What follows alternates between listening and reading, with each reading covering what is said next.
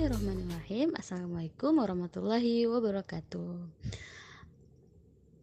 Apa kabar nih sahabat semuanya? Senang sekali saya Ummu Salama Alhamdulillah kembali bisa hadir menemani waktu santai sahabat semuanya Dalam rubrik BBM yaitu Bincang-Bincang Milenial. Seperti biasa nih rubrik BBM insya Allah akan selalu menemani waktu santai sahabat semuanya tepatnya setiap satu bulan sekali yaitu pada pekan ketiga atau minggu ketiga uh, pada hari Senin pukul 20 waktu Indonesia bagian Barat. Nah insya Allah nanti kita akan membahas nih gitu seputar-seputar Eh, dunia Islam, dunia remaja gitu ya akan kita kulik ya bersama-sama dengan para narasumber yang insya Allah akan bisa memberikan banyak inspirasi bagi kita semua. Semoga ilmu yang bisa kita dapat hari ini bisa menjadi berkah dan menjadi penyemangat bagi kita semua. Amin. Nah, sahabat uh, semuanya dan insya Allah untuk bincang-bincang pada malam hari ini kita telah mengundang ya salah satu narasumber kita yaitu uh, Kak Wahyuni Rizky. Nah, beliau merupakan seorang uh, aktivis dakwah dan juga seorang ibu rumah tangga gitu yang berdomisilikan sekarang di Bener Meriah. Nah, jauh sekali ya hari ini pemat, uh, narasumber yang kita undang. Maka ini adalah momen langka gitu ya, sahabat Nah, pastinya sangat spesial. Nah, insya Allah bersama beliau nanti uh, kita akan memperoleh banyak ilmu dan beliau juga akan sharing-sharing nih uh, pengalaman beliau mungkin gitu. Atau ilmu-ilmu gitu yang sudah beliau pelajari gitu yang insya Allah nanti akan menjadi bisa bisa kita ambil gitu ya sebagai pedoman hidup kita insya Allah. Nah, mari kita langsung saja ya kita sapa narasumber kita pada malam hari ini. Assalamualaikum Kak Yuni, gimana nih kabarnya Kak? Semoga selalu dalam keadaan sehat ya Kak. Waalaikumsalam warahmatullahi wabarakatuh. Alhamdulillah kabar saya baik. Terima kasih ya Kak Umu dan teman-teman BTS yang telah mengundang saya hari ini. Nah, sahabat eh, pendengar setia BBM semuanya, insya Allah pada malam hari ini kita akan membahas nih tema yang sangat menarik, yaitu gawat darurat remaja Aceh tergejerat gaul bebas kok bisa. Nah, ini merupakan mm, tema yang sangat menarik, tema yang sangat penting gitu ya, sangat urgent untuk dan sangat perlu gitu untuk kita ketahui bersama, untuk kita kulik bersama karena ini terkait ya, terkait masa depan remaja kita nantinya gitu terkait uh, ya masa depan generasi kita. Ke depannya itu mereka akan seperti apa gitu. Jika mereka terus-terus dibiarkan dalam pergaulan yang bebas ini. Nah ini insya Allah nanti akan kita bahas bersama ya bersama kak mm, kakak pemateri kita pada hari ini yaitu kak Wahyuni Rizky. Nah, jika kita bahas persoalan bebas gitu yang um, menjerat remaja Aceh saat ini ini memang bukanlah perkara yang baru gitu ya. Tapi ini adalah persoalan lama yang memang sudah berlarut-larut yang belum dituntaskan gitu belum selesai sampai tuntas uh, hingga hari ini gitu hingga saat ini gitu.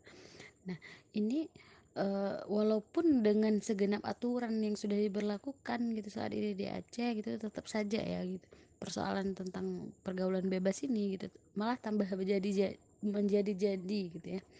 Malah tambah lebih banyak dan ini sungguh ya sangat mengkhawatirkan sangat miris sekali gitu ya. Yang mana ini tuh harus memang kita bicarakan kita pikirkan bersama gitu ya. Bagaimana tidak gitu. E, bayangkan gitu ini adalah persoalan gitu yang menimpa uh, pemuda yang menimpa remaja yang menimpa generasi kita saat ini gitu. Nah sedangkan mereka gitu ya adalah calon-calon pemimpin gitu yang akan nanti memimpin negeri ini di masa yang akan datang. Nah nah bayangkan gitu apa yang akan terjadi gitu? Jika negeri ini gitu ya eh, negeri kita ini akan dipimpin oleh generasi-generasi yang sudah rusak moralnya, yang sudah rusak akhlaknya gitu, ya, yang sudah dirusakkan oleh uh, pergaulan bebasnya seperti narkoba gitu, seks bebas, mabuk-mabukan, miras dan sebagainya gitu. Nah, ini bayangkan gitu negeri kita ini dipimpin oleh orang-orang yang seperti itu dan mau mau jadi akan jadi apa nanti ya negeri kita ini, bangsa ini gitu. Nah, eh, dan ini juga ya tidak bisa kita biarkan dan uh, harus harus kita selesaikan memang ya. Harus kita selesaikan harus kita tuntaskan persoalan pergaulan bebas ini gitu sampai ke akar-akarnya gitu. Agar apa? Agar ini tuh harus betul-betul harus hilang gitu. Harus lenyap. Jadi uh, uh, harus lenyap uh, di muka bumi ini gitu ya. Uh, bayangkan gitu ya saat ini pemuda gitu ya remaja-remaja kita yang harusnya di usia-usia yang sangat produktif seperti saat ini gitu ya. Di usia belasan tahun puluhan tahun mereka terjerat uh, seks bebas mereka terjerat ke dalam pergaulan bebas gitu ya. Seharusnya yang mereka bayangkan gitu ya ketika uh, di usia-usia seperti itu adalah uh, bisa menjadi orang yang uh, punya kontribusi gitu ya. Apa yang harus mereka kasih gitu ke ke negerinya bangsanya gitu ya untuk perubahan negerinya gitu untuk agamanya gitu. Tapi malah gitu ya saat ini kita dengar gitu malah mereka saat ini jatuh gitu jatuh tersungkur terpuruk gitu dalam pergaulan bebas. Nah bahkan di usia yang belia gitu di usia yang mereka masih anak-anak harus punya anak gitu ya yang gak diinginkan gitu ya karena pergaulan bebas tadi gitu mereka masih sangat anak masih di usia SMP gitu ya bahkan sampai melahirkan gitu misalnya. Hingga apa? Ngurus anak lagi gitu kan. Harusnya di usia-usia seperti itu udah usia-usia yang sangat produktif gitu. Gitu. Nah e, seperti misalnya kejadian yang ada di Biren pada bulan Maret yang lalu gitu ya. Seorang siswi sampai melahirkan dia di sekolahnya gitu. Nah, bahkan di September lalu gitu juga uh, ditangkap sepasang kekasih gitu yang mabuk-mabukan gitu, berantem di jalan gitu. Karena apa? Karena kekasihnya ini nggak mau tanggung jawab gitu. Karena si ceweknya ini udah hamil di luar nikah gitu.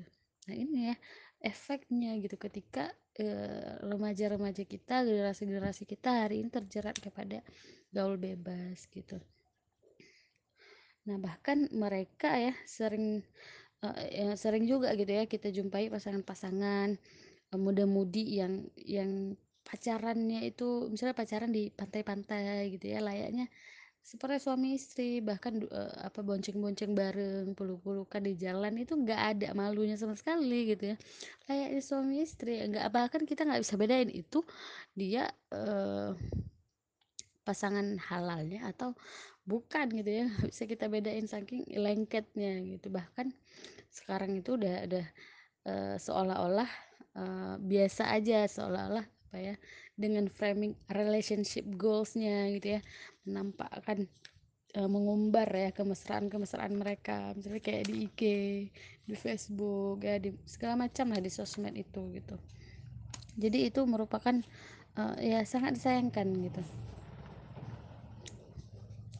juga ya e, seperti misalnya kasus e, pemerkosaan gitu yang dia yang itu bahkan dilakukan gitu oleh kawannya sendiri gitu pamannya sendiri atau bahkan ayahnya sendiri gitu ya. Seperti kejadian pada bulan Januari Januari yang lalu ya gitu ya di Aceh ini ada gitu ya seorang ayah yang melakukan perbuatan bejatnya itu terhadap anaknya. Dia itu memperkosa anaknya gitu ya. Tapi bahkan apa yang terjadi? Hukum membebaskannya gitu bahkan hukum membebaskannya mengembalikan haknya pekerjaannya yang dia itu sebagai PNS ya disuruh bersihkan nama baiknya gitu ya. Berdasarkan uh, uh, sidang ya berdasarkan hasil sidang pada Agustus kemarin gitu.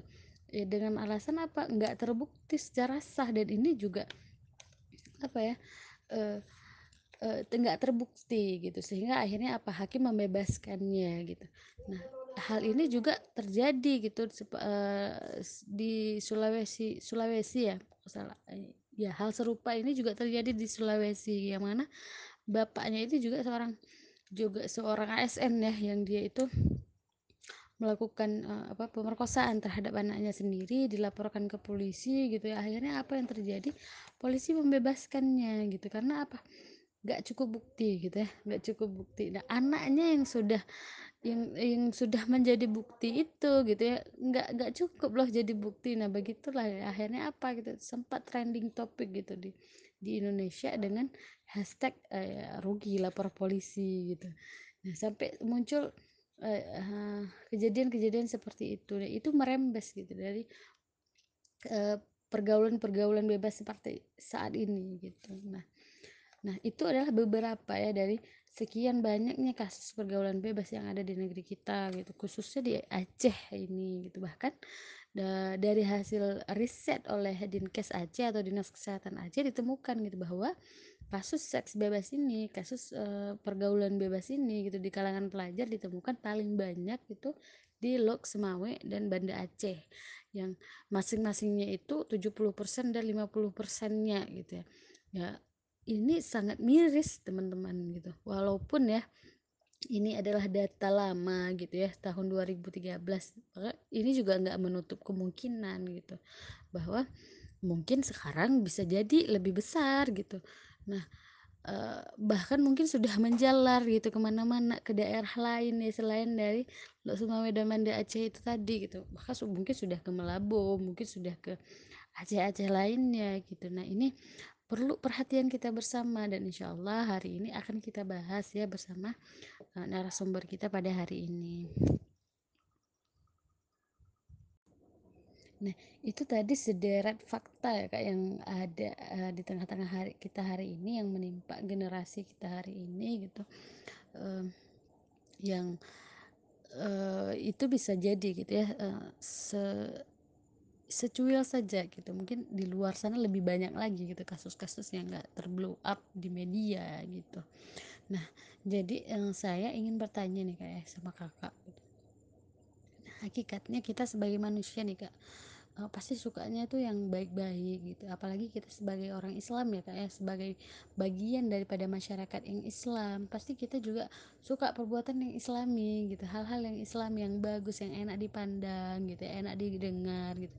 Kita semua juga setuju gitu ya kalau misalnya kita melihat ada perbuatan uh, orang melakukan perzinahan gitu atau dia hamil dua nikah ketahuan gitu kita setuju itu adalah perbuatan buruk dan kita nggak suka dengan itu nah uh, semua setuju gitu karena kita adalah masyarakat Islami kayak tadi kak ya. Nah tapi yang menjadi pertanyaannya kenapa sih kak ya uh, dengan uh, kita yang juga bagian daripada orang Islam gitu ya remaja kita pun juga saat ini adalah orang Islam yang dia itu juga tahu gitu ya fitrah dia sebagai manusia itu pasti sukanya yang baik-baik gitu yang bagus-bagus. Tapi kok bisa gitu ya saat ini remaja kita malah lebih suka gitu. Kok mereka malah seneng gitu kak? Dengan gaya hidup yang serba bebas gitu hura-hura foya-foya. Nah itu dilakoni mereka gitu ya saat ini gitu. Dan bahkan mereka semakin eh, berlomba-lomba ke dalam hal seperti itu tadi gitu dalam kehidupan seperti itu pergaulan bebas seperti itu gitu. Yang bahkan mereka nggak malu gitu. Misalnya pacaran ya dijemput dari rumah pergi gitu. Ke pantai ke mana gitu. Bahkan pamer gitu di, di sosmed gitu relationship goals gitu. Jadi uh, mereka kok malah seneng dan malah berlomba-lomba gitu terhadap pergaulan bebas ini gitu. Nah, berarti kan mereka keluar lah ya kayak dari fitrah dia gitu sebagai manusia itu. Nah jadi itu gimana ya kak kira-kira? Silahkan kak Yoni baik terima kasih kak ya. Nah menarik ini pertanyaannya. Jadi uh, kita jika kita berbicara tentang remaja maka kita tahu dulu nih remaja ini gimana maksud. Nah remaja ini kan biasanya rentang usianya itu anak sekolah SMP sampai dengan SMA ya kak. Nah Berarti rentang usianya itu mulai dari 11 sampai dengan 18 tahun lah, kira-kira seperti itu. Nah, usia-usia ini adalah usia di mana mereka ingin tahu gitu. Nah, uh, jadi kalau kita mempelajari khosiatnya manusia, manusia itu punya naluri dia. Nah, salah satu naluri yang menjerumuskan anak-anak sekarang ke pergaulan bebas itu namanya adalah goriza nau gitu ya. Nah, goriza nau atau naluri nau ini adalah naluri untuk melangsungkan keturunan. Nah, hanya saja ini sudah diatur oleh Allah gitu cara untuk melampiaskan nau. Nah, anak-anak sekarang kesalahannya adalah standar baik buruk mereka itu belum distandari dengan Islam. Nah, kita kan hidup di negeri yang uh, menerapkan peraturan yang bukan Islam. Sehingga uh, membebaskan setiap individu itu mau melakukan sesuai dengan apa yang dia sukai. Sehingga standar kehidupan anak-anak remaja saat ini adalah apa yang mereka senangi. Seperti itu. Jadi kak baik buruk itu standarnya datangnya dari mereka Nah, padahal jika datangnya dari diri sendiri, standar kebaikan itu bisa jadi cenderung kepada apa yang dia sukai. Nah, masalahnya apa yang saya sukai dan apa yang kakak sukai pasti berbeda. Begitu nah, hmm. begitu juga para remaja gitu nah. Masing-masing mereka itu memiliki standar apa yang mereka sukai itu beda-beda. Sehingga standar kebaikan yang ada pada diri mereka juga berbeda. Sehingga apa yang mereka anggap uh, baik itu adalah apa yang mereka sukai. Nah, inilah yang terjadi saat ini gitu ya, Kak. Sebenarnya standar baik buruk itu haruslah datangnya dari Allah yaitu apa? mematuhi perintah Allah dan meninggalkan larangan Allah. Namun pada kondisi saat ini uh, kita itu hidup dalam keadaan yang tidak paham Islam. Sehingga standar baik buruknya itu bukan datang dari Allah, tapi datangnya dari diri sendiri. Nah, inilah problem yang saya lihat ada di kehidupan saat ini ya, Kak. Makanya tadi bisa terjadi gitu. Nah, uh, jadi permasalahan gaul bebas ini bukan cerita baru gitu ya. Mm-hmm, Jadi dulu saya waktu sekolah kak ya 10 tahun yang lalu gitu di bangku SMA. Udah lama lah kak ya. Ya udah lama. Jadi anak siswa lama lah ya. Tapi mm. alhamdulillah saya pernah merasakan menjadi siswa gitu. Nah, mm. jadi saya mau berbagi gitu ya dengan teman-teman BTS ya. Mm. Jadi uh, dulu waktu saya sekolah ya kak gitu. Nah permasalahan gaul bebas ini tetap ada waktu saya masih sekolah gitu. Nah orang-orang hamil di luar nikah itu banyak dulu di kampung saya gitu. Nah posisinya mereka masih anak sekolah. Uh, dan waktu saya kuliah gitu ya saya hijrah ke Banda Aceh gitu ya.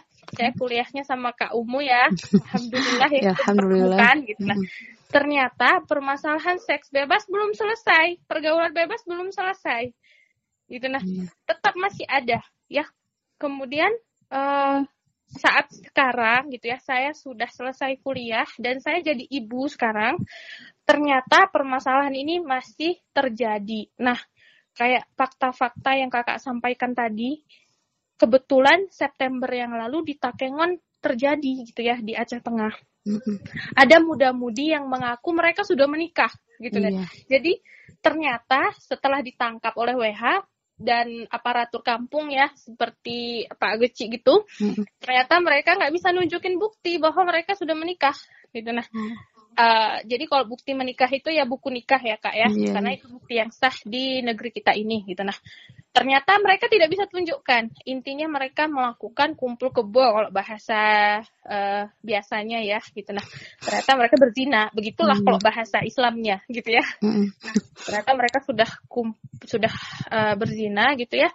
Dan mirisnya usia mereka masih usia sekolah gitu. Nah, ini kan hmm. baru berlangsungnya sekitar sebulan yang lalu September kan sekarang kan masih Oktober gitu. Nah, kalau kita lihat seperti itu kan miris sekali ya. Kenapa yeah. sampai ke tempat saya kan gitu. Ternyata permasalahan ini adalah permasalahan yang terus terus terus menerus ada gitu nah.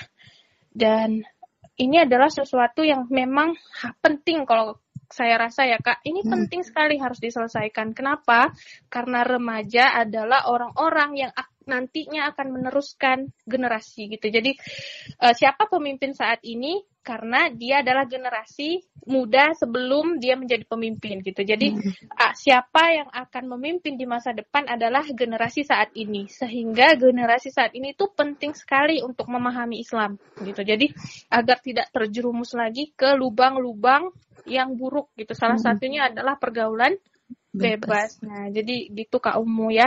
ya. Jadi sekarang kita itu harus belajar Islam sehingga nanti kita tidak terjerumus lagi ke dalam lubang uh, keburukannya. Salah satunya hmm. adalah uh, pergaulan bebas. Nah, uh, itu tadi ya. Uh, berarti Kak uh, Yuni, berarti kenapa hal ini tuh bisa terjadi karena memang standar baik dan buruk itu belum bisa ditentukan gitu ya uh, oleh oleh remaja kita saat ini gitu. Uh, berarti standar baik dan buruk itu uh, kalau kayak Kak Yuni bilang tadi uh, harus berlandaskan kepada Islam gitu. Nah, berarti uh, cara supaya ini bisa supaya kita ini terbebas gitu dari uh, dari uh, pergaulan bebas ini berarti kembalikan gitu standar kehidupan kita itu berdasarkan Islam maka remaja saat ini harus belajar Islam gitu dengan kafah gitu agar kita bisa uh, terbebas gitu dari hal-hal yang buruk gitu seperti seks bebas ini gitu. Nah, uh, mungkin kita lanjut terus ya ke pertanyaan kedua. Ya. Kayak mana Kak Yuni? Sudah siap kah? insya Allah ya. Ya siap insya Allah. uh, kan uh, ini muncul ya mungkin uh, juga mewakilkan teman-teman uh, BBM pada malam hari ini gitu. Uh, kalau kita lihat gitu kak ya, kan uh, di Aceh gitu, di ini kan Aceh gitu, framing luar itu Aceh itu menerapkan syariat Islam gitu, ada hukum cambuknya gitu, ya bagi yang melanggar syariat, ada konunnya gitu, selainnya gitu. Tapi uh, kenapa gitu ya kota yang terkenal dengan serambi Mekah ini gitu yang menerapkan syariat Islam ini justru Eh, berita-berita uh, atau kasus tentang gaul bebas, seks uh, pranikah gitu justru lebih tinggi gitu. Justru kalau kita dilihat ya, kita lihat di media sekarang itu lebih banyak itu kasus seperti ini gitu yang di up di media gitu kan. Nah, kan sebenarnya eh, nggak uh, berarti nggak nggak relevan dong dengan apa yang ingin dicapai. Nggak misalnya gini lah. Uh, dengan peraturan syariat Islam berarti harusnya kan kasus ini nggak lebih tinggi kayak sekarang gitu. Tapi kenapa kasus ini malah lebih tinggi gitu dari uh, dengan udah diterapkan syariatnya syariat Islam sekarang gitu.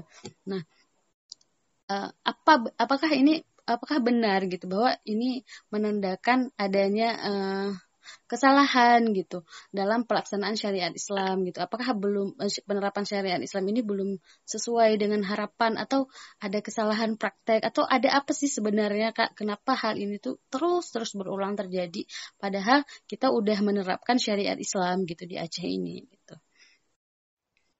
Hmm, baik, saya jawab Kak ya. Hmm. Uh, Masya Allah ya pertanyaannya berikutnya ini jadi Kak, eh, kebetulan ya sebulan yang lalu sekitar September gitu, saya juga pernah mengisi tentang hal yang sama ya. Cuman waktu itu saya mengisinya tentang banyaknya kasus bayi yang ditemukan karena dibuang oleh orang tuanya. Nah, ini kan berkaitan langsung dengan seks bebas ya. Gitu nah, orang-orang yang biasanya tidak menginginkan anaknya berarti kan hamilnya itu tidak diinginkan seperti itu. nah, ini biasa pelakunya itu adalah anak-anak yang hamil di luar nikah seperti itu ya. Nah kebetulan di situ saya merangkum enam jawaban faktor pemicu mengapa terjadi seks bebas di kalangan remaja. Nah akan saya jabarkan satu persatu, insya Allah akan terjawab pertanyaan tadi ya kak. Nah jadi uh, ada enam gitu.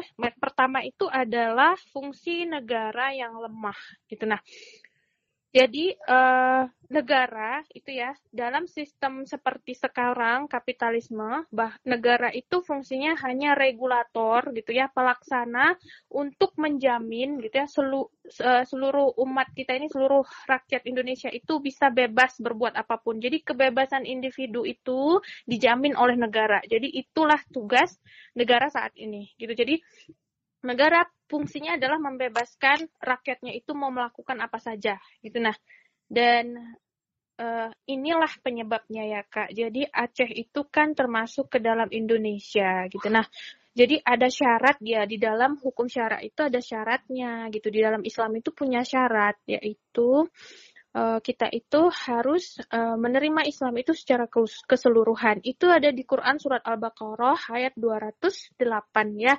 Uh, A'udzubillahi minasyaitonirrajim. Uh, Bismillahirrahmanirrahim.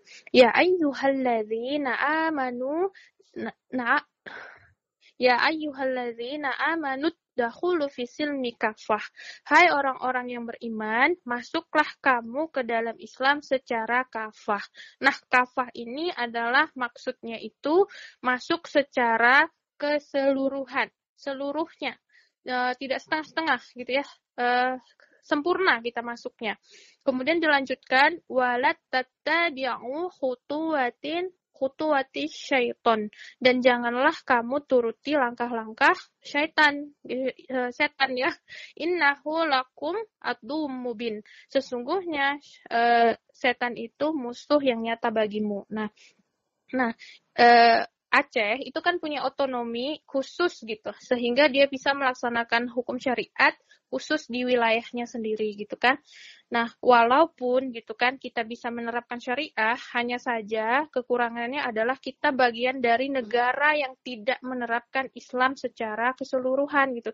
Islam saja dia tidak terapkan setengah-setengah, tapi memang tidak menerapkan Islam sehingga Aceh sendiri walaupun Serambi Mekah itu tetap ada beberapa yang tidak bisa diterapkan. Nah, untuk konun sendiri itu ada diatur Kak ya pada konun nomor 6 tahun 2014 tentang jinayat. Situ juga salah satunya meliputi mengatur tentang perzinahan ya, kholwat, mesum gitu. Nah, kemudian hukum-hukum untuk menghukumi orang-orang yang melakukan perbuatan tadi mesum, zina gitu ya. Nah, ternyata ada yang dihapus gitu. Salah satunya adalah rajam. Ya, rajam terbukti tidak bisa diterapkan di Aceh gitu. Kenapa?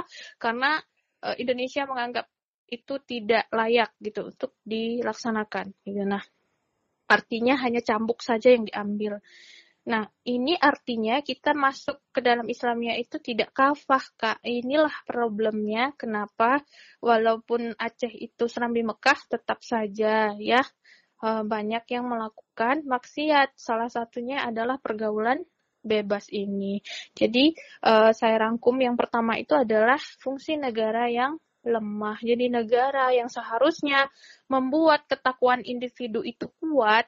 Nah, namun kejadiannya sekarang adalah umat itu terlepas seperti uh, kita kita punya sapu lidi di rumah ya kak, tapi tercerai-berai seluruhnya gitu, tidak menyatu karena ada peraturan yang kuat untuk menyatukannya gitu. Nah, jadinya tidak heran kalau misalnya anak-anak sekarang itu terjerat ke dalam gaul pergaulan bebas gitu. Nah, jadi ini dia kak ya sebab kenapa kita itu tetap banyak ya orang-orang di sekitaran kita ini terjerat ke dalam kasus uh, pergaulan bebas. Ini uh, faktor yang pertama. pertama. Kemudian yang kedua itu adalah media.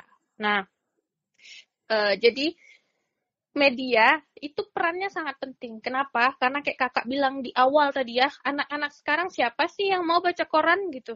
Siapa sih yang mau lihat berita di TV gitu? Nah, tapi mereka mau membuka handphonenya, masuk meluncur ke dunia maya. Nah, di situlah banyak yang viral-viral kan gitu ya. Nah, salahnya adalah mereka tidak melihat bahwa kas, uh, yang mereka lihat itu bukan uh, yang baik-baik gitu. Nah, jadi kayak tadi ya standar yang baik mereka suka itu kan apa yang mereka sukai dan bukan bersandar dengan Islam sehingga yang mereka lihat itu tentu saja yang menjerumuskan mereka ke dalam maksiat.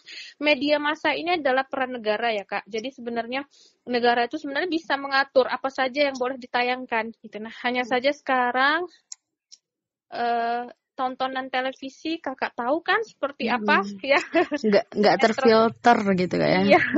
jadi saya nggak sengaja lihat ya kak. Hmm. itu ada ada web series yang populer juga iya, ya sekarang uh, lagi populer sekarang. uh, uh, yang hamil di luar nikah itu. Hmm. tahu ya kak? Nah, tahu. kemudian dia melahirkan anaknya dia terasing gitu ya. Kemudian dia melahirkan anaknya gitu. Nah ah inilah tontonan anak-anak sekarang. Jadi bagaimana? Jadi bisa dibayangkan apa yang terjadi? Nah inilah yang terjadi. Miris sekali ya. Uh, jadi media massa itu kan harusnya diatur ya karena uh, Islam itu punya dia bagian untuk penerangan. Penerangan itu maksudnya media ya. Jadi sebenarnya bisa diatur di dalam Islam apa saja yang boleh ditayangkan, informasi apa saja yang harus sampai ke tengah-tengah umat. Masalahnya saat ini adalah uh, andil media massa itu sangat sangat menjerumuskan anak-anak sekarang itu ke dalam lubang maksiat. Jadi ini yang kedua kak ya, media masa. Nah yang ketiga itu adalah masyarakat yang permisif. Nah masyarakat permisif ini adalah masyarakat yang bodoh amat sama orang lain. Nah jadi yang kayak kita bahas tadi kak ya. Jadi kita hidup di lingkungan orang-orang yang tidak ada lagi kata-kata tabu, ya, tidak ada lagi perbuatan yang tabu, tapi dibiarkan saja anak-anak. Misalnya anak-anak di, melewati sebuah kampung gitu, mereka bermesraan di dalam boncengan, jadi masyarakat itu tidak peduli. Mereka itu sudah hmm. menikah atau tidak. Iya kan kak? Iya biasa aja ya? Biasa aja hmm. gitu nah ya sudah gitu. Nah anak-anak sekarang yang memang seperti itu hmm. gitu kan kondisinya. malah iya malah dijemput di rumah gitu. Orang tuanya ah, ah. fine aja gitu. Iya fine aja hmm. orang tuanya. Nah inilah penyebab yang ketiga ya. Masyarakat itu adalah masyarakat yang permisif. Dia tidak peduli gitu. Kenapa? Karena tadi ya kita itu hidup menjadi individu yang individualis hmm. dan materialis. Jadi kalau tidak ada manfaat atau maslahat di dalamnya, maka kita tidak akan peduli. Itu begitu juga masyarakat sekarang tidak peduli. Walaupun kalau di kampung saya ya kak, kalau dia hmm. hamil di luar nikah itu dipestakan besar-besar itu. Masya Jadi, naudzubillah min zalik ya gitu. Jadi orang tua itu padahal di kampung mungkin hmm. sudah tahu ya itu sudah hamil kan gitu. Kenapa? Hmm. Karena masih sekolah kok sudah menikah gitu ya. Uh, kemudian apa yang terjadi? Ibunya biasa saja dan masyarakat biasa saja menganggap itu ya sudah gitu ya sudah terjadi gitu. Nah artinya ini bahaya ya. Jadi ini bahaya sekali. Kenapa? Karena masyarakat kita hidup di masyarakat yang tidak peduli gitu. Nah jadi ini faktor yang ketiga, Kak ya. Nah, yang keempat itu adalah meluasnya pornografi. Nah, jadi sekarang Kak, walaupun ya beberapa sudah di-ban e, webnya gitu nah tapi anak-anak sekarang jago ya jadi jago. mereka bisa menembus ke mana mereka ingin lihat gitu ya hmm. jadi uh, uh, min zalik lah kondisi anak-anak sekarang itu memang uh, tadi ya karena mereka suka gitu walaupun itu di, dilarang oleh Allah karena mereka suka apa pun bisa mereka lakukan kalau sekarang itu saya tengok gamer ya hmm. game-game itu itu penontonnya yang terbanyak adalah usia anak-anak dan iya. remaja. Hmm. Ya. Iya. Uh, jadi meluasnya pornografi ini juga pemicu sebenarnya tadi ya kak. Kita itu punya goriza nau gitu. Kita itu ingin melampiaskannya. Hanya saja karena salah gitu ya. Mm -hmm terlampiaskan ke sesuatu yang buruk gitu. Nah, salah satunya adalah uh, nonton porno gitu. Akhirnya apa? Mereka membuat rasa ingin mencoba. Hmm. Akhirnya terjerumuslah anak-anak ini ke dalam porno eh ke dalam uh, pergaulan bebas gitu. Nah, yeah. jadi ini faktor yang keempat. Nah, yang kelima adalah pendidikan agama yang lemah. Nah, ini dia. Inilah yang paling paling ya Kak. Kenapa? Sudah medianya tidak bagus, negaranya sudah lemah, pornografi meluas, gitu masyarakat tidak peduli, dia juga tidak paham Islam, hmm. sehingga tidak punya ketakwaan individu dia. Jadi dia sendiri tidak kuat berdirinya. Bagaimana mungkin jika ada terpaan badai dia tidak jatuh? Nah, itulah uh, analoginya ya kak. Gitu nah. Uh, artinya apa? Semakin bertambahnya usia, uh, itu ujiannya akan Allah tambah terus kan gitu. Sedangkan dia tidak punya persiapan untuk ujian-ujian hidupnya. Sehingga apa? Saat Allah uji dia dengan uh, misalnya media massa yang tidak benar gitu ya memberitakan, kemudian meluasnya pornografi dan banyak orang yang tidak peduli gitu. Nah, apa yang akan terjadi? Dia akan tergerus dengan apa yang ada saat ini yaitu kemaksiatan yang besar ya. Yaitu melakukan zina gitu. Nah jadi ini dia kak ya. Uh, pemahaman agama itu penting. Kenapa? Karena farduin ya. Uh, kewajibannya itu dibebankan kepada individu. Dan anak-anak sekarang menganggap itu fardu kifayah ya. Iya. jadi kalau ada yang sudah belajar Islam saya tidak perlu gitu. Nah biarlah kalau, gitu ya. Orang uh, lain okay. yang udah jadi ulama ya udahlah cukup ya, orang ya, itu benar, gitu. benar. kan sudah ada ulamanya gitu ya. Hmm kalau di kampung sudah ada imam ya sudah cukup. Dia saja yang jadi imam. Kita tidak perlu lagi harus bisa menjadi imam kan? Seperti itu ya. Oh. jadi ini permasalahannya. Lemahnya pemahaman agama. Gitu. Nah jadi uh, sudah terbur sudah terpuruk dari uh, empat sebab tadi ditambah dengan sebab ini gitu. Bertambahlah uh, kemudahan mereka melakukan maksiat gitu. Nah jadi lubangnya itu banyak ya kak. Jadi sebabnya itu banyak sehingga nanti membuat mereka betul-betul terjerumus. Kayak kak bilang kan semakin bertambah gitu. Nah walaupun diterapkan konun tapi dia tidak paham untuk apa diterapkan jadi eh, tetap terjadi. Karena eh, permasalahan pergaulan bebas ini harus dituntaskan dari akarnya ya. Kayak kayak saya bilang tadi ya kak. Kayak yang saya bilang gitu. Nah permasalahan ini kan sudah ada dari dari saya sekolah gitu. Itu 10 tahun yang lalu gitu. Nah, bayangkan masih ada sampai sekarang dan meningkat dia kan kasusnya. Dan makin aneh bentuknya. Bahkan uh, yang sesama jenis juga ada gitu. Nah, yeah. gitu. Nah artinya permasalahannya itu bukan terfokus kepada pelakunya saja. Jadi diberantas saja pelakunya. Siapa yang melakukan zina diberantas pelakunya. Kan gitu. Sebenarnya yang harus diselesaikan itu adalah permasalahannya. Kenapa bisa terjadi? Makanya tadi saya rangkum ya ada beberapa hal gitu. Nah yang akhirnya dari permasalahan dari faktor-faktor inilah nantinya bisa kita selesaikan permasalahannya gitu di dalam Islam. Nah, yang terakhir itu adalah keluarga yang bermasalah. Jadi setelah negara gitu ya, media, masyarakat, e, meluasnya pornografi, pendidikan agama yang lemah, yang terakhir itu adalah keluarga. Jadi kaummu, keluarga itu sangat penting. Kenapa? Karena keluarga adalah tempat kita belajar pertama kali. Ya, jadi hmm. uh, orang tua itu kan, jadi ayah itu ada seruannya untuk dia, untuk uh, dari Allah ke seorang ayah itu ada seruannya di Al-Quran bahwa jagalah keluargamu dari api neraka, neraka. ya. Jadi sebenarnya ada seruan itu, cuma sekarang bisa kita saksikan ya karena ayah kita juga dibesarkan dari uh, sistem yang seperti ini, maka dia pun menjadi orang yang permisif gitu. Dia tidak peduli dengan anaknya. Yang penting anak saya lulus sekolah, maka saya carikan uang supaya dia lulus sekolah. Jadi fokusnya orang tua itu hanya kepada individualis dan materi. Jadi dia fokus mencari materi sebanyak-banyaknya agar apa anaknya lulus sekolah gitu ya. Cita-cita anaknya tercapai tanpa memperdulikan gitu anaknya ini seperti apa apakah paham Islam atau tidak gitu? Apakah jauh dengan Allah? Tidak.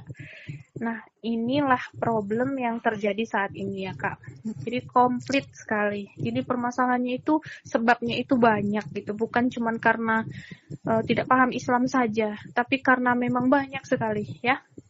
Jadi uh, saya menyimpulkan enam ini gitu. Nah sehingga terbukalah kan pemikiran kita memang benar juga ya. Karena hal-hal inilah akhirnya anak-anak sekarang terjerumus ke dalam pergaulan bebas. Nah ini kak ya uh, jawaban pertanyaannya tadi. Nah, masya Allah sekali ya uh, pemaparan tadi dari uh, Kak Yuni gitu kak. Jadi berarti di sini uh, terjadi disfungsi lah kayak terjadi ketidak uh, sinkronan lah gitu ya, antara individu masyarakat dan juga negara gitu ya. Makanya sehingga ketika adanya aturan gitu uh, yang dibuat untuk mencegah persoalan pergaulan bebas ini maka tetap aja terulang lagi terulang lagi ya. Karena memang gak sinkron gitu antara individu masyarakat dan juga negaranya gitu. Uh, nah jadi uh, maka dari itu uh, kita butuh solusi gitu kan kak. Kita butuh solusi untuk supaya uh, pergaulan bebas ini tuh harus dihabiskan dituntaskan semuanya gitu. Sampai ke akar akarnya gitu agar nggak nggak ada lagi gitu. Agar uh, remaja kita hari ini tuh terbebas gitu dari kehidupan uh, bebas seperti ini gitu. Agar nggak lagi rusak gitu ya moral anak bangsa gitu. Nah maka baru-baru uh, uh, ini gitu ya uh, kan ditawarkan tuh gitu konsep uh, konsep modernisasi agama moderasi agama gitu ya oleh pemerintah gitu ya. uh, nah jadi uh, moderasi agama ini gitu ya dianggap sangat penting gitu bagi Indonesia untuk diterapkan gitu ya terutama bagi milenial gitu ya bagi kaum muda gitu kenapa dikatakan sangat penting? Karena ini e, bisa menjadi solusi gitu ya katanya untuk menciptakan kerukunan, harmoni sosial gitu ya, bahkan menjaga kebebasan gitu dalam dalam menjalankan e, agamanya gitu. Nah, e, dengan tujuan akhirnya itu mewujudkan Indonesia yang maju. Nah, jadi pertanyaannya gitu Kak ya, apakah dengan menerapkan konsep moderasi ini ya yang ditawarkan oleh pemerintah itu tadi bisa mencegah bisa mengatasi gitu ya. Persoalan uh, gaul bebas ini uh, yang terjadi di tengah-tengah uh, para remaja saat ini itu bisa habis bisa, bisa tuntas diselesaikan gitu. Apakah bisa gitu kak? Silahkan kak Yuni jadi eh, penawaran pemerintah tentang moderasi beragama ini bukan sesuatu yang baru sebenarnya kak. Jadi beberapa tahun yang lalu sudah dikenal dengan Islam moderat, Islam Nusantara gitu ya kita sering mendengarnya. Kemudian di tahun ini diluncurkan moderasi beragama gitu. Sebenarnya nggak tahun ini juga tahun kemarin ya uh, sudah dimulai gitu nah untuk peluncuran moderasi beragama gitu nah. Jadi uh, moderasi beragama sendiri harus kita pahami dulu seperti apa. Nah, moderasi beragama menganggap bahwa uh, beragama itu haruslah dimoderasi atau wasatoniyah di tengah. Jadi orang-orang yang beragama harus posisinya di tengah, Kak. Jadi kalau dia beribadah dengan agamanya tidak boleh terlalu fanatik, tidak boleh tidak melaksanakan ibadah gitu. Jadi di tengah-tengah gitu. Ya laksanakan saja gitu.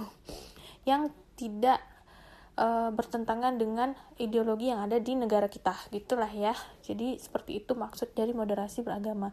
Nah ternyata di dalam Al-Quran maksud wasatoniyah yang dimaksudkan oleh Allah itu adalah adil gitu. Bukan di tengah seperti yang mereka maksudkan. Jadi umat yang tidak di tengah maksud Allah itu umat yang adil gitu. Itulah umatan yang terbaik yang kita tahu kayak ya tentang uh, hendaklah ada segu, apa hendaklah ada umatan yang terbaik gitu ya. Jadi uh, maksud Allah itu adalah wasatoniyah di situ adalah adil gitu. Nah jadi maksud moderasi beragama sekarang itu kan di tengah maka tidak semua uh, apa yang ada di agama kita itu bisa kita ambil gitu. Nah Islam itu punya syarat kak. Syaratnya itu adalah uh, ada di Quran gitu ya yang menyebutkan Bismillahirrahmanirrahim. Ya ayyuhalladzina amanu dakhulu fisil mikafah hai orang-orang yang beriman masuklah kamu ke dalam Islam secara kafah kafah yang di sini yang dimaksud adalah uh, sempurna. Maka tidak bisa tadi dibilang di tengah. Kita nggak bisa di tengah masalahnya kak. Jadi maksud di tengah ini hanya membuat kita itu menjadi orang-orang yang sekuler gitu ya dan Islam itu tidak boleh memisahkan agama daripada kehidupan. Jadi mereka itu sebenarnya mengkampanyekan faslud dinil anil hayah gitu ya, pemisahan agama daripada kehidupan atau yang sering kita pahami itu adalah sekularisme. Maka ini bukanlah solusi karena seperti yang saya bilang nggak ya, kita tidak bisa menyelesaikan permasalahan pergaulan bebas ini hanya kepada pelaku-pelakunya saja, tapi perilakunya. Jadi orang-orang yang bergaul yang melakukan pergaulan bebas ini kalau bisa tidak ada lagi kan seperti itu. Maka tidak bisa solusinya itu kita ambil yang tidak sempurna. Maka hanya Islam yang bisa menyelesaikan permasalahan dengan sampai ke akarnya, maka Islamlah yang kita ambil bukan moderasi beragama seperti apa yang ditawarkan oleh pemerintah. Tadi uh kita udah udah bahas tuh kak kan tentang uh, mengapa gitu di daerah Aceh ini udah ada penerapan syariat Islam. Tapi kok nggak tuntas ya permasalahan uh, tentang pergaulan bebas ini gitu. Kok masih ada aja gitu. Padahal udah ada aturannya gitu. Nah seharusnya gitu kan bagaimana sih uh, penerapan syariat Islam yang benar gitu? Yang itu dengan adanya syariat Islam itu bisa menuntaskan persoalan yang terjadi saat ini gitu uh, bisa menjaga kemudian bisa melindungi mengatasi kejadian-kejadian uh, seperti ini gitu ya untuk remaja generasi penerus bangsa gitu dari pergaulan bebas ini gitu. Bagaimana sih sebenarnya solusi atau penerapan syariat Islam yang sesuai itu dengan dengan aturannya Allah gitu. Baik, uh, berarti ini solusi lagi kak ya. Mm -hmm. Nah setelah kita melihat banyaknya orang-orang yang terjerat ke dalam pergaulan bebas. Nah, tentu saja kita mau menyelesaikan kan tadi saya bilang ini permasalahannya agar tidak ada lagi pergaulan bebas. Nah, itu yang harus diselesaikan, bukan dengan menghabiskan para pelakunya, kan gitu. Mm-hmm. Karena e, perilaku mereka melakukan pergaulan bebas ini walaupun sudah dihukum tidak tidak terlepas bahwa tidak mereka tidak melakukan lagi tapi bisa jadi mereka melakukannya lagi kan itu yang kita takutkan ya kak hmm. apalagi sekarang kok semakin marak gitu tanpa diajari kok anak-anak bisa tahu kan gitu ya paling dikhawatirkan nah Islam sendiri adalah agama yang memiliki seluruh solusi kepada permasalahan hidup. Salah satunya adalah permasalahan pergaulan bebas ini. Islam itu punya solusi gitu. Nah, saya merangkumnya ini saya rangkum juga ini kak ya ada lima yeah. ya solusi gitu nah hmm. kita bahas satu persatu nah pertama, itu ya, Islam telah memerintahkan kepada kepala keluarga untuk mendidik anggota keluarganya dengan Islam agar terjauh dari api neraka. Ini yang saya sampaikan tadi. Ini ada di Quran surat Al-Tahrim ayat 6 ya bahwa Allah memerintahkan kepada kepala keluarga untuk melindungi seluruh anggota keluarganya agar tidak terjilat api neraka. Jadi uh, artinya apa? Kita harus mendorong setiap orang tua untuk peduli kepada anaknya agar anaknya itu tidak masuk ke dalam neraka. Gitu. Nah, ini yang pertama. Yang kedua, itu sifatnya preventif ya, Kak. Jadi uh, Islam itu punya seperangkat solusi yang akan menyelesaikan permasalahan ini. Jadi di yang kedua ini saya saya bagi lagi beberapa. Yang pertama itu adalah kita harus mengetahui bahwa Islam telah mewajibkan setiap laki-laki dan perempuan untuk menutup auratnya. Nah, ini yang paling penting. Ya, Rasulullah Shallallahu Alaihi Wasallam bersabda, sesungguhnya laki-laki dari bawah pusar sampai kedua lututnya merupakan auratnya. Hadis riwayat Ahmad. Jadi seruan menutup aurat bukan hanya terpaut kepada perempuan, tapi juga laki-laki. Sering nggak kalian laki-laki yang memamerkan auratnya? Iya, sering kali. Iya sering ya. Gitu nah. iya. Jadi jangan salahkan perempuan saja gitu, tapi laki-laki juga ada seruannya untuk menutup aurat gitu ya. Kemudian perempuan uh, itu ada di Quran surat An-Nur ayat 31 dan Al-Ahzab ayat 31 ya Kak, memakai khimar penutup kepala dan juga jalabib jilbab ya hmm. untuk penutup badannya. Dan ini wajib ya dikenakan uh, karena ini ini yang harus dilaksanakan pertama yaitu menutup aurat. Kemudian yang kedua itu Islam mengharuskan laki-laki dan perempuan untuk menundukkan pandangannya. Ini yang poin yang paling terpenting. Jika tidak mampu menyalurkan uh, gorizanau dengan menikah, maka tundukkanlah pandangan. Ini ada di Quran surat An-Nur ayat 30 sampai dengan 31. Jadi laki-laki itu cobalah dikurangi memandang perempuan itu dengan pandangan sensual ya. Jadi ini yang paling sering saya temui ya kak. Laki-laki itu karena terlalu sering nonton porno hmm. sehingga pandangan dia ke perempuan itu sudah bukan pandangan biasa lagi, tapi sudah pandangan yang sensual ya. Hmm. Jadi kalau dia nengok perempuan itu kok kayaknya yang terbayang itu yang negatif gitu ya. Jadi inilah ya seruan Allah bahwa wajib ya laki-laki dan perempuan itu untuk menundukkan pandangan. Jadi laki-laki tundukkanlah pandangan, perempuan juga seperti itu harus menundukkan pandangan gitu ya. Uh, jadi perempuan juga kayaknya paling sering lah ya gitu ya tidak tahan melihat yang tampan-tampan gitu. Iya. saya garis bawahi ya kak goriza nau itu adalah goriza yang rangsangannya dari luar sebenarnya kalau kita tidak pernah melihat cowok tampan ya kita tidak punya standar juga tampan itu ya iya. jadi karena kita selalu sering melihat laki-laki tampan bisa jadi iya. standar tampannya itu berbeda sehingga nanti saat lihat sesuai dengan standar kita maka kita akan tertaut gitu terpaut terus melihatnya duh tampan sekali gitu ya. Iya, nah mungkin... ini adalah bentuk rangsangannya. Jadi uh jangan merangsang merangsang diri gitu ya. Iya. tampan mudah kayak pandangan. standar standar tampan tuh misalnya Song Joong Ki gitu ya. Oh iya, Lee Min Ho ya. Iya gitu. nah, atau anggota BTS itu ya, tapi yang BTS-nya iya. yang Korea ya, bukan BTS bersama teman surga ya. Jadi saya har saya eh, kakak doakan ya seluruh teman-teman BTS tidak seperti itu ya. Teman-teman BTS ini adalah orang-orang yang uh, mampu menundukkan pandangan. Kakak doakan hmm. seperti itu ya. Jadi ini yang penting Kak ya, harus menundukkan pandangan. Yang ketiga, Islam menerapkan pemisahan antara laki-laki dan perempuan. Nah, ini dia ya. Jadi kita itu terlalu sering berkhulwat, terlalu sering bercampur baur dengan laki-laki sehingga akan menimbulkan gurizanau ini. Namanya tadi harus ada rangsangan ya kan Kak. Jadi hmm. kalau terlalu banyak rangsangan, kita pun terangsang gitu ya.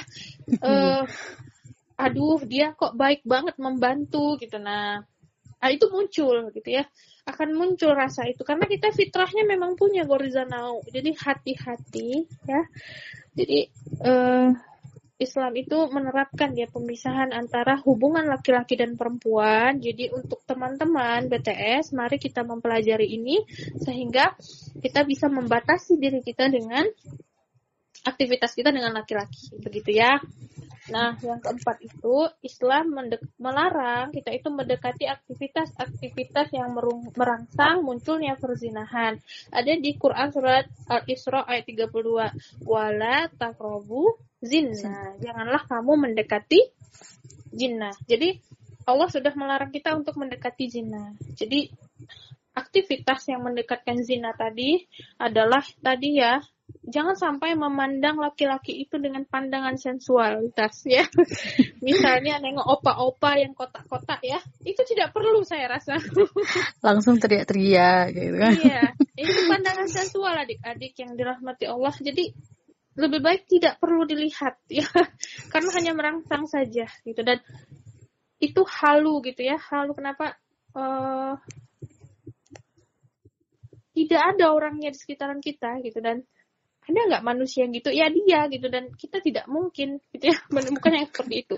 Jadi tundukkan pandangan gitu ya. Jangan sampai aktivitas kita itu uh, menuju ke zina gitu nah yang kelima Islam melarang seorang pria dan wanita melakukan kegiatan pekerjaan yang menonjolkan sensualitas. Nah, ini yang paling penting ya. Jangan mau dieksploitasi ya. Pernah nggak Kak Umu lihat iklan? Iklannya mobil, Kak. Tapi bintang iklannya perempuan. Pernah nggak? Aduh, sering nggak nggak cuma mobil gitu ya. Kebanyakan memang iklan-iklan itu pasti pakai perempuan gitu untuk di, diiklankan gitu. Nah, ini yang sebenarnya Islam melarang ya. Jadi hmm. tidak perlu melakukan pekerjaan yang menonjolkan sensualitas. Tapi saya lihat sekarang rata-rata seperti itu ya Kak Umu ya. Hmm. Misalnya uh, konten di YouTube ya ini game kontennya gitu ya. Tapi kok pemain gamenya itu menonjolkan sensualitas dia gitu. Sehingga penonton saya rasa tidak menonton gamenya, tapi menonton dia gitu nah. Hmm. Artinya jangan mengeksploitasi diri gitu. Nah, sahabat muslimah yang dirahmati oleh Allah gitu ya. Jangan sampai kita itu menonjolkan apa yang semestinya tidak ditonjolkan gitu ya. Uh, alhamdulillahnya ya kakak sudah berpengalaman ya ya saya sudah menikah gitu ya hmm. saya tahu gitu maksudnya penyaluran yang benar itu memang hanya dari Allah gitu penyaluran nau yang benar itu adalah dengan cara menikah itu saran dari Allah gitu sehingga Uh, ini adalah cara yang benar. Jika belum mampu menikah, tundukkan pandangan gitu. Jadi bersabarlah gitu. Seperti orang berpuasa kak ya, hmm. bersabarlah hingga berbuka jadi begitu juga untuk orang yang belum menikah gitu. Jadi tundukkanlah pandangan hingga akhirnya kalian nanti menemukan uh, penyaluran yang benar gitu. Nah, jadi uh, yang keenam itu Islam menjadikan pernikahan sebagai satu-satunya solusi sehingga siapa pun yang sudah siap menikah silahkan menikah. Yang belum siap menikah maka haruslah bersabar dengan menundukkan pandangan dan menaati perintah Allah. Nah, jadi ini tadi yang kedua kak ya, yang tindakannya itu uh, preventif gitu. Nah, yang ketiga Islam memelihara urusan masyarakat agar berjalan sesuai dengan aturan Allah. Nah ini dia ya. Pentingnya seseorang itu memahami Islam sehingga terpeliharalah urusannya dengan Islam akhirnya tadi ya, kalaupun ada permasalahan yang berkaitan dengan maksiat, itu cepat dia kak, cepat nampak permasalahannya. Misalnya di masyarakat itu ada yang melaksanakan, eh, yang melanggar perintah Allah, itu nampak terus. Kenapa? Karena yang lain melaksanakan perintah Allah, hanya dia yang melanggar. Jadi kan terlihat terus ya. Mm -hmm. Jadi terlihat terus, oh ini yang melakukan kesalahan kan gitu. Maka tindakan pencegahan dan penyelesaiannya itu akan lebih cepat ya. Kenapa? Karena hidupnya kita itu di lingkungan orang-orang yang bertakwa. Kemudian yang keempat, Islam melarang aktivitas yang membuat dan mencetak gambar atau konten-konten yang porno. Jadi ini penting ya. Jadi uh, solusinya itu Kak, media itu kan tadi media permasalahannya ya. Jadi media ini harus mampu gitu ya membuat kita itu terjaga akal kita. Jadi Kak, saya dulu pernah mengisi kajian ya tentang uh, kemaslahatan yang didapat setelah tegaknya syariah secara kafah ya. Jadi saat khilafah tegak, itu kita akan dapat delapan kemaslahatan. Salah satunya adalah terjaganya akal. Kenapa? Karena media atau informasi yang disampaikan ke kita itu diatur apa saja yang harus disampaikan. Jadi kan luar biasa sekali kak ya. Hmm. Sampai so. ke informasi saja itu diatur apa saja yang sampai gitu. Kalau bisa yang boleh meluncur ke umat itu hanya uh, yang baik-baik saja, yang standar baiknya itu dari Allah gitu. Jadi terjagalah akal kita ya. Kelima, yang terakhir ya, Islam itu mem memerintahkan amar ma'ruf nahi mungkar ya. ya dan tidak boleh membiarkan ada sesuatu yang melakukan maksiat. Ini ada di Quran surah Al-Anfal ayat 25. Jadi Kak uh, ini dia beberapa solusi ya yang saya tawarkan gitu. Nah, agar tadi ya uh, pergaulan bebas tidak lagi terjadi gitu. Nah, kemudian untuk negara sendiri tugas negara itu memang melahirkan generasi yang Islam gitu. Nah dan ini lain lagi ceritanya ya kak. Nah sementara ini saja dulu yang saya jawab ya. Hmm, solusi solusinya mungkin nanti kakak mungkin ada timbul pertanyaan ya bisa kita lanjutkan lagi ya kak. Nah, eh, itu tadi ya pemaparan dari Kak Yuni gitu. Nah, bagaimana tadi eh persoalan pergaulan bebas ini yang begitu kompleksnya terjadi ternyata ada solusinya gitu di dalam Islam. Dan solusi yang ditawarkan Islam ternyata juga sangat kompleks gitu seperti yang dijelaskan oleh Kak Yuni tadi gitu. Bagaimana cara mengatasi misalnya kayak uh, di dalam Islam itu uh, medianya diatur jadi informasi yang kita dapatkan gitu di, tengah-tengah masyarakat gitu. Misalnya kita uh, di HP di TV gitu di media-media masa lainnya gitu itu informasi yang baik-baik aja gitu kak ini ya gitu. Nggak ter terfilter gitu. Iya. nggak kayak sekarang gitu kak ini ya iya terus juga misalnya kayak uh, kalau dalam Islam dia sudah uh, kayak naluri nau itu tadi. Maksudnya kan dia kepengen gitu. Tapi kalau memang dia belum cukup belum belum mampu gitu misalnya dalam segi e-, ekonominya atau hal lainnya gitu maka ada ada aturannya gitu di dalam Islam gitu. Uh, um, misalnya dia udah mampu, berarti dia udah harus menikah gitu. Tapi kalau dia nggak mampu, maka disuruh bersabar atau berpuasa gitu, menundukkan pandangan gitu kayaknya. Jadi juga uh, apa pergaulan bebasnya berarti oh pergaulan uh, maksudnya uh, pergaulan antara laki-laki dan perempuan itu juga nggak sebebas sekarang gitu. Makanya kan uh, persoalan seperti ini kayak misalnya dia itu terangsang secara naluri dia itu akan lebih uh, nggak nggak kayak sekarang gitu terjadinya gitu. Pasti lebih minimalisir gitu. Bahkan nggak ada gitu ya. Itu tadi gitu. Nah uh, jadi uh, dari sini gitu kak kan uh, muncul nih gitu pertanyaan lagi gitu Eh, kan begitu kompleks gitu, begitu sempurnanya gitu aturan yang Allah tawarkan kepada kita hari ini gitu. Yuklah gitu. Ayo berislam secara kafah gitu. Uh, ayo terapkan Islam gitu supaya apa permasalahan yang kita alami hari ini gitu bisa ter, bisa bisa terselesaikan gitu dengan menerapkan aturannya Allah gitu. Nah, uh, terus apa sih gitu? Uh, apa yang uh, uh, bisa kita lakukan nih Kak gitu kan? Untuk bisa meyakinkan gitu bahwa uh, sol satu-satunya solusi gitu hari ini yang bisa kita terapkan untuk bebas dari uh, persoalan pergaulan bebas ini gitu terutama di Aceh gitu kita bilang uh, adalah dengan menerapkan Islam secara kafah gitu dan uh, uh, apa yang bisa mengatasi persoalan ini tadi itu adalah Islam gitu.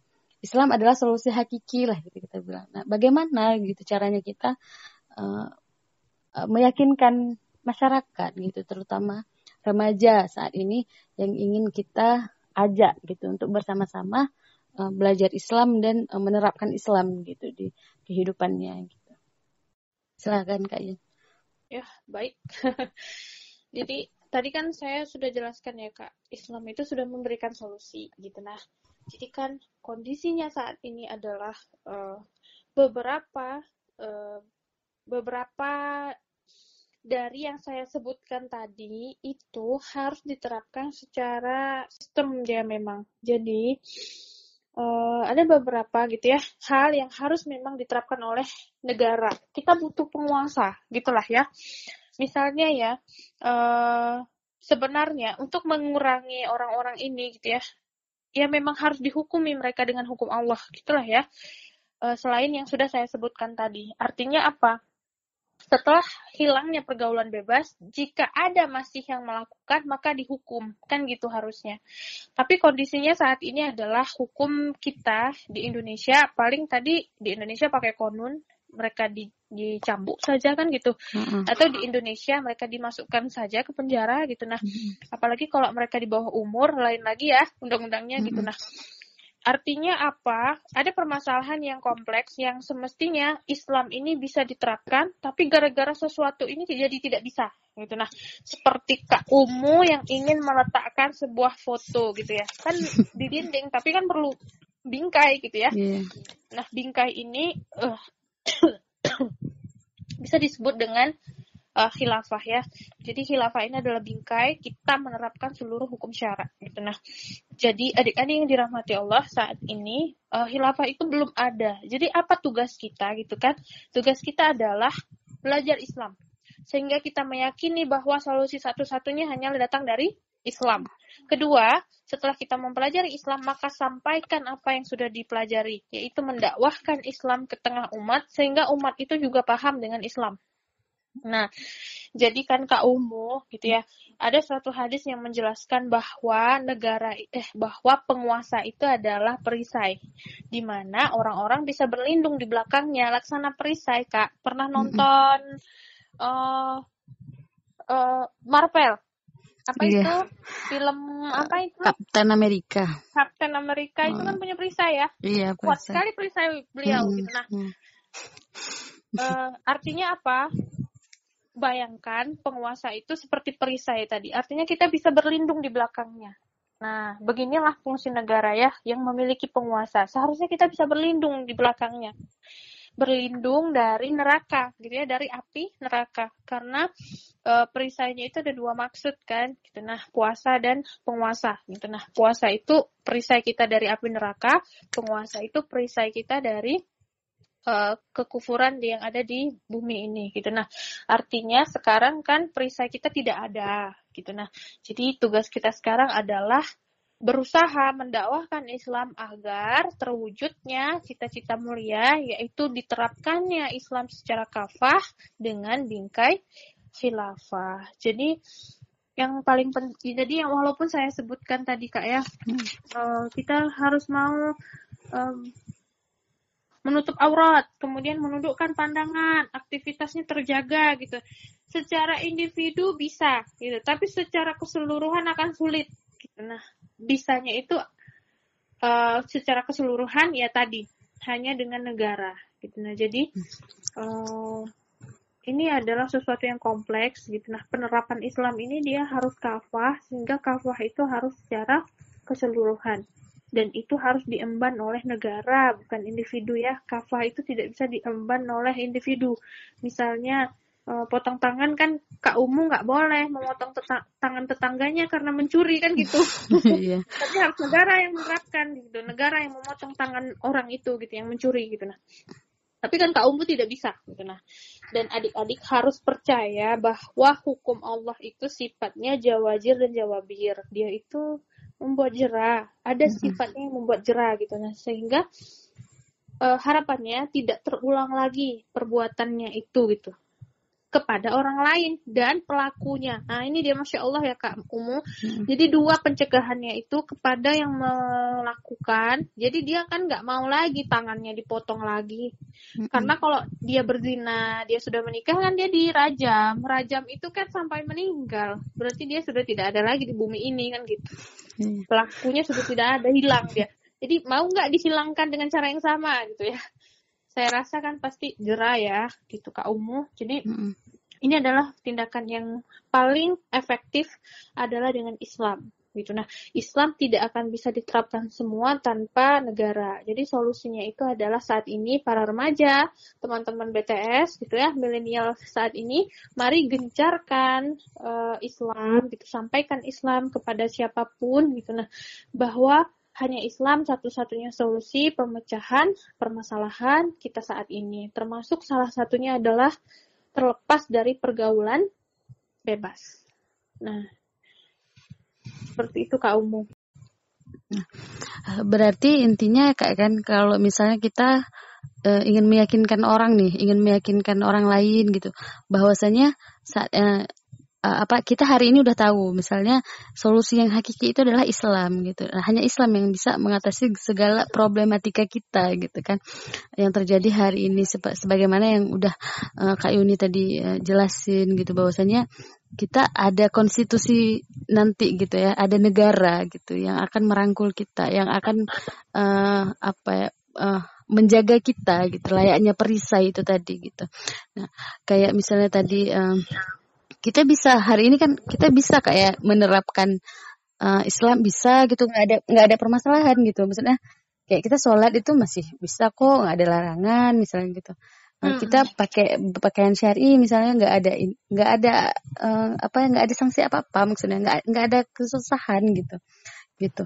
Tapi gitu uh, tapi itu hanya sebatas individu gitu. Maksudnya sekarang kalau udah misalnya kan udah hijrah lah, udah udah tahu gitu kan, udah paham. Iya ya, maksudnya ini bersifat individu gitu. Karena kan uh, misalnya lah hari ini kita udah udah udah menutup aurat nih, udah hijrah nutup aurat, udah menerapkan Islam, udah sholat misalnya gitu. Udah berusaha lah melakukan ibadah-ibadah lainnya gitu, udah dakwah misalnya gitu. Tapi uh, ketika kita kita udah bisa menjaga diri kita nih, men, uh, menjaga adik-adik kita di rumah gitu kan. Tapi akhirnya pas kita keluar mungkin kita nggak mau lihat itu gitu. Adegan-adegan misalnya orang pacaran mesra-mesraan kayak gitu ya. Kalau misalnya kita kayak tempat wisata gitu kak pasti itu banyak tuh orang berpasang-pasangan gitu. Apalagi weekend kayak padat gitu.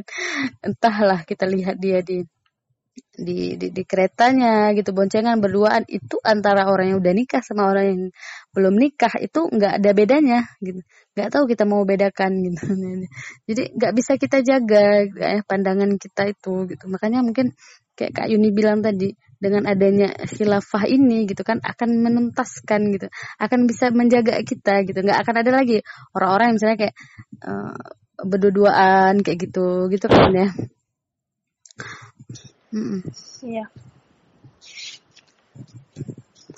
Hmm, jadi uh, berarti juga uh, untuk apa ya tadi untuk meyakinkan uh, uh, apa masyarakat hari ini berarti juga uh, perlu kita tumbuhkan nggak ya perlu kita tumbuhkan kecintaan kita terhadap terhadap agama kita, terhadap Islam gitu. Ya, benar Jadi misalnya kayak hari ini kita ngaji nih, kita udah ngaji, udah belajar Islam gitu secara kafa, kita uh, tumbuhkan akan akan tumbuh gitu seiring seiring dengan banyaknya ilmu yang kita pelajari gitu ya, luasnya ilmu Islam ini gitu kan akan tumbuh. Wah, luar biasa sekali ya ternyata dalam Islam itu ada loh uh, konsep bagaimana penerapan syariat Islam, bagaimana supaya uh, kita ini uh, sistem pergaulan di dalam Islam itu kayak mana diaturnya sehingga cowok dan cewek itu dipisah sempurna, nggak ada interaksi yang akan menyebabkan kita ikhtilat di situ, khalwat di situ gitu.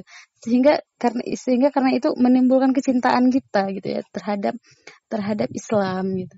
Nah dari situ berarti kita dakwahkan kepada orang lain gitu. Apa yang kita rasakan hari ini gitu kak ya? Iya. Ya, masya Allah sekali ternyata. Uh-huh. Uh, terus kak kan, uh, ap apa nih gitu dengan uh, dengan semua hal yang sudah kita tahu hari ini gitu ya, uh, bagaimana solusi dalam Islam gitu, dan uh, yang bisa membawa kita kepada apa terbebas dari persoalan khususnya pergaulan bebas ini gitu uh, apa gitu yang uh, apa yang bisa kita lakukan nih terutama kita gitu ya sebagai pemuda gitu. teman-teman BBM juga yang uh, sudah semakin greget gitu ya mungkin ingin segera bebas. Aku ingin bebas dari dari keadaan yang yang sangat rusak ini gitu. Nah jadi kayak mana nih kak? Apa sih yang bisa kita lakukan nih gitu agar terbebas dari dari keadaan seperti ini Iya, siapa sih sebenarnya yang mau terbelenggu begini terus ya, Kak Umu? Pasti ingin ya bertanya gitu, kapan selesainya ini semua gitu. Nah, jadi Kak, kita ini kan uh, beberapa fungsi ya, kita sebagai makhluk gitu ya.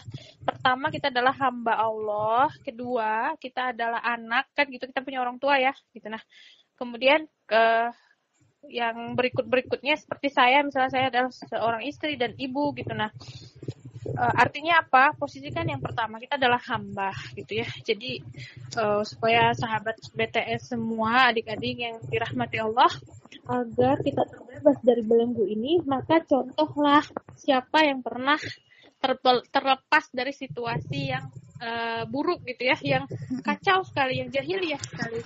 Ternyata yang mampu terlepas dari kondisi seperti ini adalah Rasulullah Shallallahu Alaihi Wasallam. Masya Allah ya Allah itu mencontohkan Rasulullah bagaimana dia keluar dari situasi orang-orang jahiliyah di mana mereka menyebut Allah, tapi yang mereka sembah bukan Allah gitu ya, tapi mereka menyembahnya sesembahan gitu. Nah, mereka hidup dalam kondisi yang kufur gitu, riba apa semuanya itu maksiat gitu ya.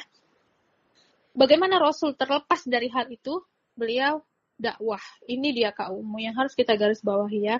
Kita harus mencontoh siapa yang sudah pernah berhasil dari belenggu maksiat gitu nah. Itulah Rasulullah gitu nah. Maka contohlah Rasul. Bagaimana Rasul terkeluar keluar dari belenggunya yaitu dakwah. Nah, masalahnya sekarang kira-kira kan kita akan tumbuh pertanyaan ya Kak, apa sih yang mau saya dakwahkan kan gitu.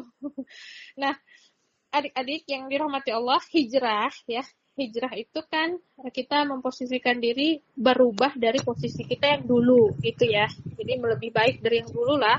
Nah, ternyata yang paling sulit itu adalah istiqomah kaummu. Nah, caranya gimana? Rupanya harus memperkaya ilmu, harus mau mempelajari Islam gitu sehingga nanti kita mendakwahkan Islam.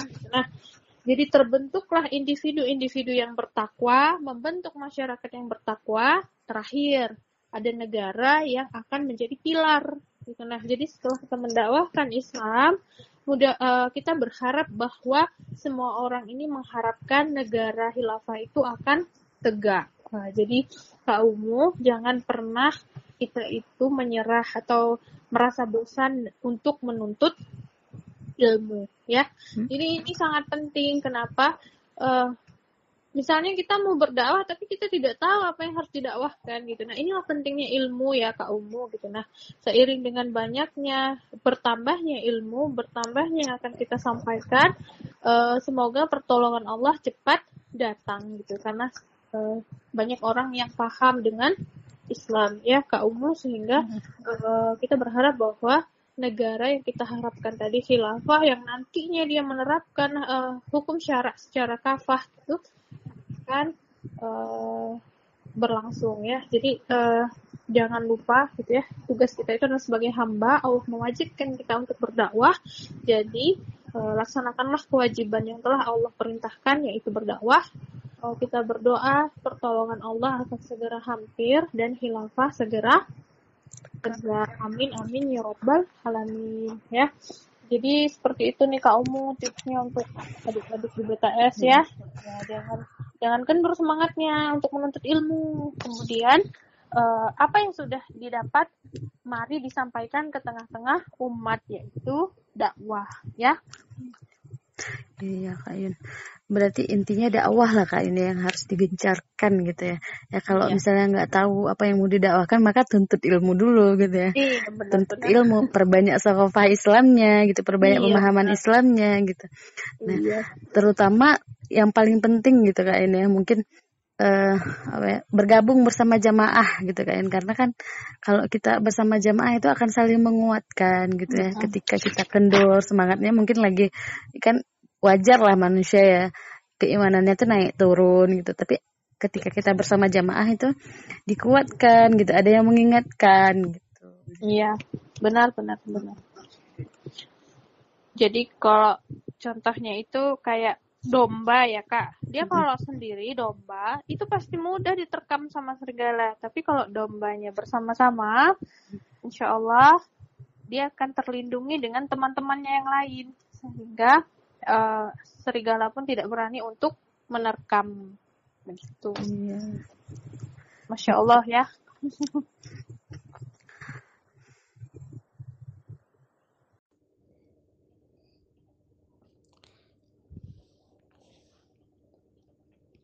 Nah, sahabat solihah yang dirahmati Allah, pendengar setia BBM, tadi kita sudah mendengarkan ya penjelasan yang Masya Allah luar biasa sekali dari kakak pemateri kita yaitu Kak Ohemi Rizky ya, tentang dengan tema hari ini yaitu gawat darurat remaja Aceh terjerat gaul bebas. Kok bisa? Nah berdasarkan pemaparan tadi maka kita bisa tahu bahwasanya uh, semua ini gitu ya pergaulan bebas ini bisa terjadi gitu ya walaupun di tengah uh, negeri kita yang sudah menerapkan syariat Islam gitu ya. Walaupun negeri negara kita secara keseluruhan ini adalah penduduknya mayoritasnya muslim gitu ya. Ini itu tetap terjadi. Kenapa? Ya karena memang gak diterapkannya syariat Islam itu secara benar secara kafah secara keseluruhan gitu ya. Jadi syariat Islamnya masih pilih-pilih masih uh, setengah-setengah. Jadi ya uh, cara caranya untuk menuntaskan agar ini agar persoalan ini itu bisa berhasil di uh, bisa dituntaskan gitu ya bisa bisa selesai. Ya hanya dengan caranya menerapkan Islam menerapkan syariat Islam mengambil lagi Islam sebagai jalan hidup.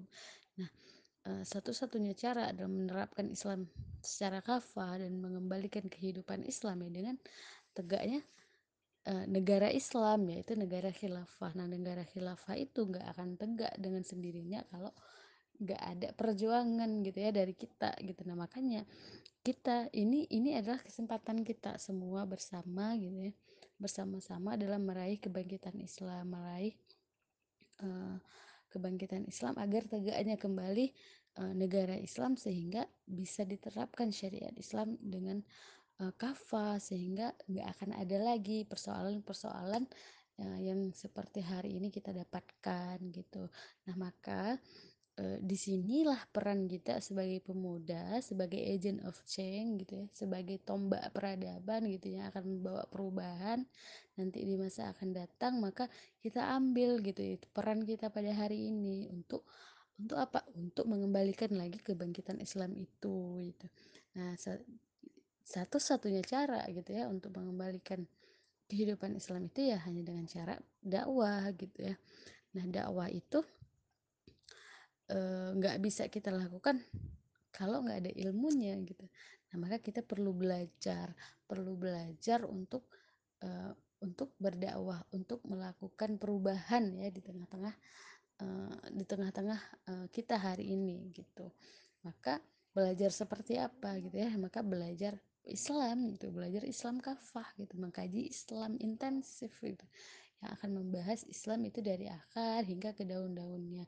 Ya, dari permasalahan inti sampai permasalahan cabang-cabangnya gitu. Nah itu perlu kita pelajari semua gitu sehingga kita bisa totalitas dalam berdakwah bisa totalitas dalam berusaha membangkitkan kembali kebangkitan Islam gitu. Di bawah peran kita sebagai uh, tombak peradaban sebagai pemuda gitu.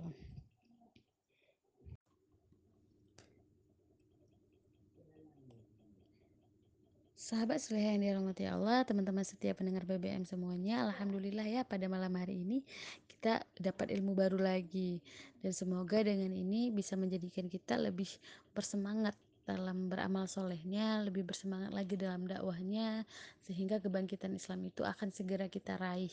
Amin ya robbal alamin. Gitu. Nah, terima kasih juga kita ucapkan kepada kakak pemateri kita pada malam hari ini atas uh, pencerahannya, atas pencerahannya hari ini yang masya Allah luar biasa sekali tadi dan juga uh, sudah bersedia ya meluangkan waktunya untuk sharing-sharing ilmunya dengan teman-teman setiap pendengar BBM semuanya. Kepada Kak Wahyuni Rizky kami ucapkan uh, jazakillah khair Kak Kak Yuni. Terima kasih banyak atas pencerahannya. Masya Allah luar biasa sekali. Semoga nanti eh, kapan-kapan mau lagi ya Kak kami undang lagi uh, dalam forum BBM ini Baik, terima kasih ya Kak Umu dan teman-teman BTS ya. Terima kasih atas bincang-bincangnya hari ini. Terima kasih atas undangannya. Semoga apa yang disampaikan, apa yang dibincangkan hari ini itu bermanfaat untuk adik-adik sekalian, juga menambah ketakwaan kita terhadap Allah. Mohon maaf apabila ada salah kata, sesungguhnya yang benar hanya datangnya dari Allah. Nah, uh, saya kirim salam untuk semua teman-teman BTS ya, gitu dan kakak-kakak yang ada di BTS. Nah, terima kasih. uh, jika nanti ada keluangan waktu, insya Allah saya akan mau bertemu lagi, berbincang kembali dengan teman-teman BTS. Terima kasih atas kesempatannya. Uh, Assalamualaikum warahmatullahi wabarakatuh sahabat seluruh yang dirahmati Allah dan juga teman-teman setiap pendengar BBM semuanya Insya Allah ya program BBM ini akan rutin kita laksanakan setiap satu bulan sekali tepatnya pada pekan ketiga di hari Senin pukul 20 waktu Indonesia bagian Barat nah silahkan nih bagi teman-teman semuanya untuk mengajak teman-teman yang lain di luar sana untuk bergabung ke dalam acara kita ini. Nah, mudah-mudahan dengan ini bisa menjadi amal pahala buat kita semua. Amin. Nah, saya Ummu Salama selaku host pada hari ini mengucapkan banyak terima kasih kepada sekalian yang telah berpartisipasi dalam acara ini. Kami mohon undur diri dan insya Allah kita akan berjumpa lagi di bulan depan. Wassalamualaikum warahmatullahi wabarakatuh.